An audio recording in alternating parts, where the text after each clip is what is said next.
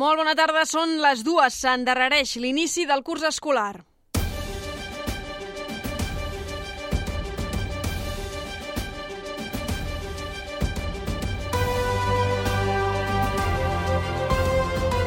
Notícies migdia, amb Helena Molist.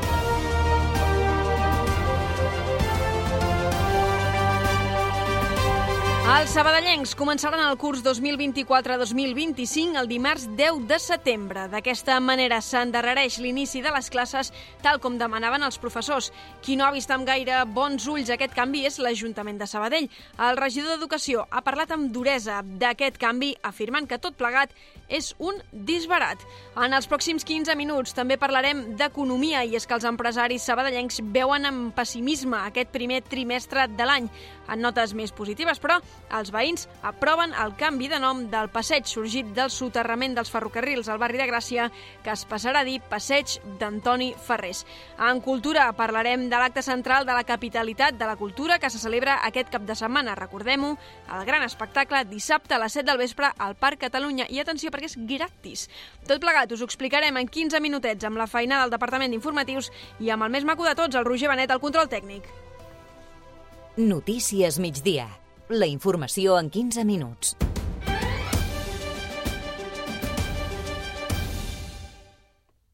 Els serveis.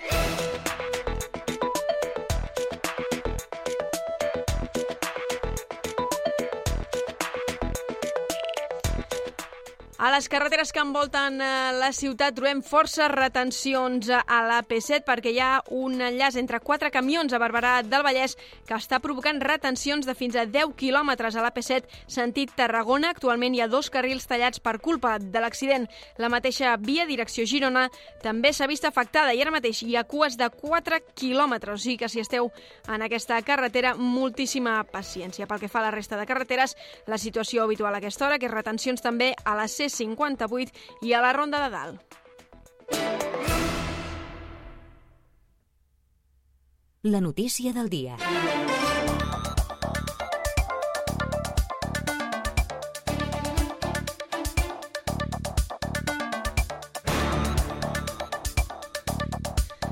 El Departament d'Educació ha decidit endarrerir l'inici del curs escolar. A Sabadell, els centres educatius obriran les seves portes el dimarts 10 de setembre, quatre dies més tard que el curs passat. Aquest endarreriment s'ha atorgat tal com li havien demanat diversos membres del Consell Escolar que plantejaven un marge de 5 dies més per preparar-se i també ho demanaven els sindicats eh, educatius. Núria Garcia, molt bona tarda. Molt bona tarda, Helena. Sabadell, els alumnes començaran el curs el dimarts dia 10 de setembre, l'endemà de l'últim dia de la Festa Major de Sabadell.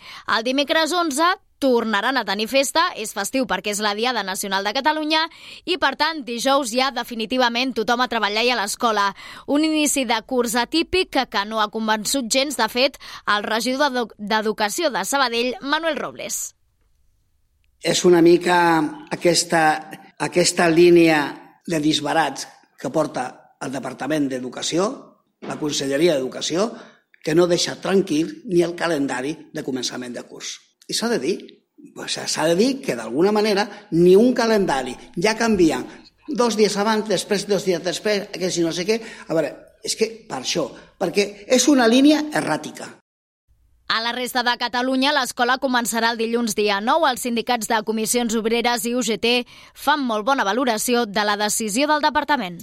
Parlem ara d'economia perquè el 6, 7 i 9 de març es farà Fira Sabadell, la SBD Fira Pro, Fira de Formació i Treball. Més que economia, parlem de treball. Serà la segona edició amb el format actual i comptarà amb la presència de 30 centres educatius. El regidor d'aquest àmbit de l'Ajuntament de Sabadell, Manuel Robles, planteja que som davant d'un canvi de paradigma. Estem davant davant d'un canvi de paradigma estem davant de lo que era la tradicional formació professional, que era absolutament acadèmica, que era una, una formació professional eh, que acabàvem amb un títol de, un títol de tècnic mitjà o tècnic superior i, i ja està. I, I ara el paradigma està en que tot és formació professionalitzadora. Hi haurà parades de 45 empreses que necessiten cobrir 124 llocs de treball i es faran més de 700 contactes laborals. Es podran presentar autocandidatures, inscriure's a ofertes o fer entrevistes ràpides. Antonio Rodríguez, regidor de Desenvolupament Econòmic. Aquesta fira té un doble objectiu, donar a conèixer quines són les característiques de les ocupacions més rellevants al nostre territori i donar a conèixer les característiques de les formacions per accedir-hi en aquestes, en aquestes eh, formes de treball. S'hi preveuen més de 3.500 assistents, 1.200 dels quals participaran a les xerrades previstes. Sílvia Garcia, regidora de Joventut, explica que s'ha fet un treball transversal a tot el consistori. La voluntat del consistori ha sigut treballar de manera conjunta i de manera coordinada perquè som conscients que per abordar tots aquests factors ho hem de treballar de manera transversal per tal de no deixar a ningú enrere. I aquesta segona edició de Sabadell Fira Pro és la mostra, és la mostra d'aquest treball conjunt i és la mostra d'aquesta transversalitat. Hi haurà assessors de joventut per a aquells que volen marxar també a l'estranger. Notícies migdia de dilluns a divendres a partir de les dues. Passant sis minuts de les dues, pessimisme entre els empresaris de Sabadell, la Conca del Ripoll i la Riera de Caldes de cara a aquest primer trimestre del 2024. Així ho reflecteix l'última enquesta de clima i confiança empresarial realitzada de forma conjunta pel CIESC, el Gremi de Fabricants i la Cambra de Comerç de Sabadell. Carem Madrid, molt bona tarda. Bona tarda. La confiança dels empresaris retrocedeix un 2,6% respecte al trimestre anterior.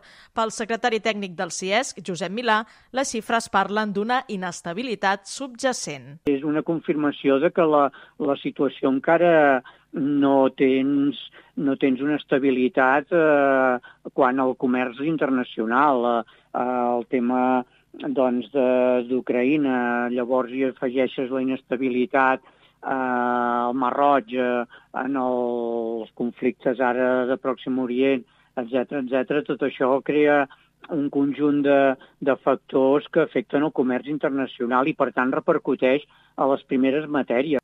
D'altra banda, també hi ha un problema estructural que preocupa els empresaris, la falta de mà d'obra qualificada.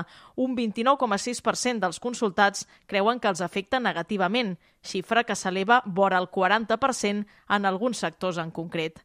Tot i aquest pessimisme, també hi ha indicadors positius de cara a aquest primer trimestre de l'any, com la previsió de manteniment de les plantilles amb més del 80% dels negocis encastats. I Sabadell incrementa la xifra de centres de treball a la ciutat, arribant fins als més de 5.200. En concret, durant el 2023 s'han registrat 44 centres de cotització més que en el 2022. Si ens fixem en quins sectors donen resposta a aquests centres nous, ens trobem una clara majoria de centres de l'àmbit dels serveis i del món de la construcció. Antonio Rodríguez, regidor de Desenvolupament Econòmic, valorava així aquestes xifres.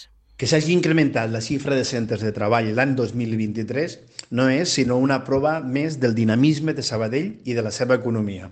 Una ciutat oberta sempre a noves inversions, com també ho és que finalitzem aquest any amb la xifra d'atur més baixa dels últims 15 anys, amb un pes més gran dels contractes indefinits. Al conjunt del Vallès Occidental, la xifra de centres de cotització ha augmentat un 0,1%, una xifra molt baixa si la comparem amb l'augment del 0,85% que ha experimentat Sabadell. I Inspecció de Treball ha obligat l'empresa Grup BN de Sabadell a implementar el registre de la jornada laboral. N'ha parlat avui al Cafè de la Ràdio Manel Martos, portaveu de la CNT a Sabadell. El registre de la jornada laboral és obligatori des del 2019, però el Grup BN s'està començant a implementar just ara. Berta Torres, molt bona tarda. Bona tarda, Helena. El canvi respon a la denúncia que una vintena de treballadors van interposar a través de la CNT fa poc més d'un any. L'empresa havia estat aprofitant la manca d'un registre per fer contractes per menys hores de les que els treballadors en feien realment. Us explico amb un exemple. Uh, un treballador que està contractat ha de fer 40 hores setmanals, uh, i n'acaba fent doncs, 10 més. Aquestes 10 més són hores extres que es paguen a un altre preu, segons el conveni. Clar, si tenim el registre horari, podem demostrar aquestes hores que hem fet. Si no tenim el registre horari, els treballadors no poden demostrar. Els treballadors es van dirigir al comitè d'empresa, però asseguren que no van escoltar les seves demandes. Així ho ha assenyalat en el mateix programa un dels denunciants, José Muñoz, que diu sentir-se perseguit per l'empresa. A mí me quitaron las horas extras, después, eh, como se denunció, eh, me cogieron y me quitaron también lo de responsable, un plus que me pagaban de responsable, y ahora se demandó lo de plus peligrosidad, han arreglado a los que les ha interesado y a mí, por ejemplo, me están pagando un mínimo Ara la CNT està iniciant una campanya de denúncies per a que els treballadors reclamin el cobrament de les hores extra, que s'estaven pagant a 7 euros i mig quan el conveni fixa un preu de 17 euros. Amb tot, segons Marcos, el cas és més difícil, ja que els treballadors han de denunciar-ho de forma individual i molts es fan enrere. Notícies migdia. 15 minuts d'informació. I en urbanisme, els sabadellencs consultats per aquesta emissora veuen amb bons ulls que Antoni Ferrés doni nom al passeig sorgit del soterrament dels ferrocarrils entre Gràcia i Can Feu. Tots els ciutadans que el recorden consideren que és digne d'aquest homenatge. Les opinions recollides demostren que els 20 anys d'alcaldia de Ferrés van deixar empremta. No un carrer, sinó estar una plaça i molt més. I un monument. Per mi sí. Parlat amb ell moltes vegades quan he necessitat i molt amable i molt molt amable i molt per al poble. Era un més del poble. Quan el van votar tantes vegades és perquè ho va fer bé. Bé, bé, jo coneixia la seva família. Jo... Sí, i siguent d'una ideologia molt diferent de la família i tot, eh, es va llavors portar molt bé i va fer molt bé per Sabadell. Ell un sabadellenc, vaja. Per contra, hi ha un sector de la població que no reconeix el nom de l'exalcalde, sigui per joventut o perquè no està interessat en la política. Per això, no posen en valor la moció aprovada en l'última Junta de Portaveus.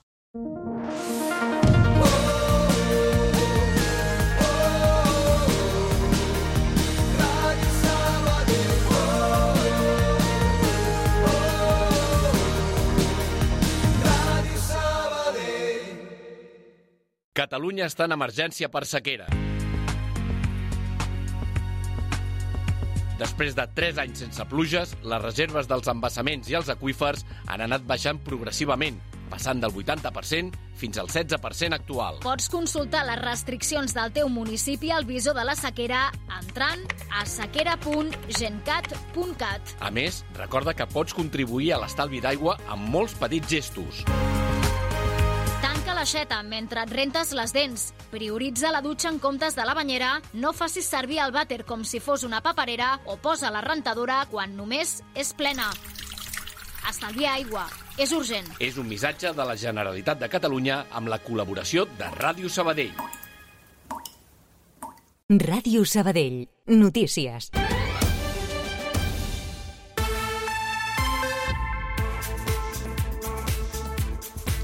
Informació més enllà de la nostra ciutat. L'Audiència de Barcelona ha condemnat l'exfutbolista del Barça, Dani Alves, a 4 anys i mig de presó per l'agressió sexual a una jove al desembre del 2022 en una discoteca de la capital catalana. Sí, el tribunal també imposa al brasiler llibertat vigilada durant 5 anys després de sortir de la presó, 150.000 euros d'indemnització i prohibició de comunicar-se o apropar-se a la víctima durant 9 anys i mig. El tribunal ha apreciat la circumstància atenuant de reparació del dany en dipositar l'acusat una una indemnització a l'inici de la instrucció. I la tinent fiscal del Tribunal Suprem ha conclòs que no hi ha indicis suficients de criminalitat per investigar per terrorisme l'expresident Carles Puigdemont. La cap de la Fiscalia del Tribunal Suprem diu que la investigació del jutge Manuel García Castellón es basa en conjectures. La fiscal afirma en l'informe de 32 pàgines que, més que aprovar la participació de Puigdemont, els indicis de la causa la descarten i tampoc veu indicis que incriminin Rubén Wagensberg, l'altre forat que hauria d'investigar al Tribunal Suprem. Cultura. El pròxim dissabte 24 de febrer a les 7 de la tarda se celebra l'acte central de la capitalitat de la cultura a la plaça de l'Argup, al Parc Catalunya. L'acte vol ser un tràiler de totes a tots els vessants culturals a la ciutat. Hi participaran l'Orquestra Simfònica del Vallès, l'actriu Rosa Renom, el guitarrista Juan Manuel Cañizares, els 31 FAM i els ballarins Brothers Bros. En total, més de 200 artistes locals i també una representació de la cultura popular. En parla el director de la funció, Albert González. He construït un relat, una mena de fil conductor que pugui unir totes aquestes disciplines. El que veurà la gent serà diferents càpsules de diferents artistes, mm, amb actuacions que poden durar des dels 3, 4, 5 minuts amb un fil conductor que això, això són les... hi ha quatre actrius que representen que són uh, un personatge alegòric de la cultura. Hi haurà un gran escenari i s'hi posaran 1.200 cadires pels assistents. L'espectacle és gratuït. Ràdio Sabadell aposta un cop més per l'audiovisual i gravarà tot l'acte que es podrà veure tots els cops que es desitgi a través del canal de YouTube de l'emissora. El temps. Núvols prims al centre de Sabadell, però calor, calor d'estiu. Què ens espera per les pròximes hores? Lluís Mipérez, molt bon dia. Bon dia, hem començat amb força núvols, però s'han anat trencant, i de fet a hores d'ara sí que n'hi ha de núvols, però són molt prims. I la temperatura, a més a més, s'enfila amb ganes. Al llarg de les immediates hores arribarem a fregar els 25 graus. A les comarques de Girona, també al prelitoral barceloní, sobretot un ambient una mica ventós a Girona i Barcelona, també al Pirineu, i ja a darreres hores de la tarda començaran a aparèixer les primeres nuvolades més potents per les comarques lleidatanes, fins i tot amb els primers plogims, pluges o algunes nevades baixant de cota cap als 1.800 metres. Aquesta nit acabaran caient alguns ruixats a la resta del país d'una forma molt més testimonial i el vent també es reforçarà a les comarques de Tarragona. També podem dir que aquesta propera nit, ja demà sobretot, s'obrirà les portes a un ambient molt més fresquet. Demà poca pluja, algunes a Girona, durant la tarda algunes gotellades a la resta del país i sobretot demà aquesta davallada clara de la temperatura. Us seguirem a la xarxa. Un quart de tres, marxem.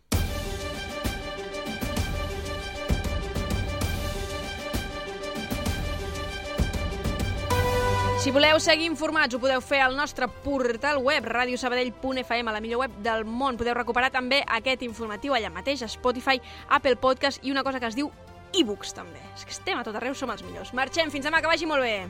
Allà on siguis, escolta'ns online. En directe.radiosabadell.fm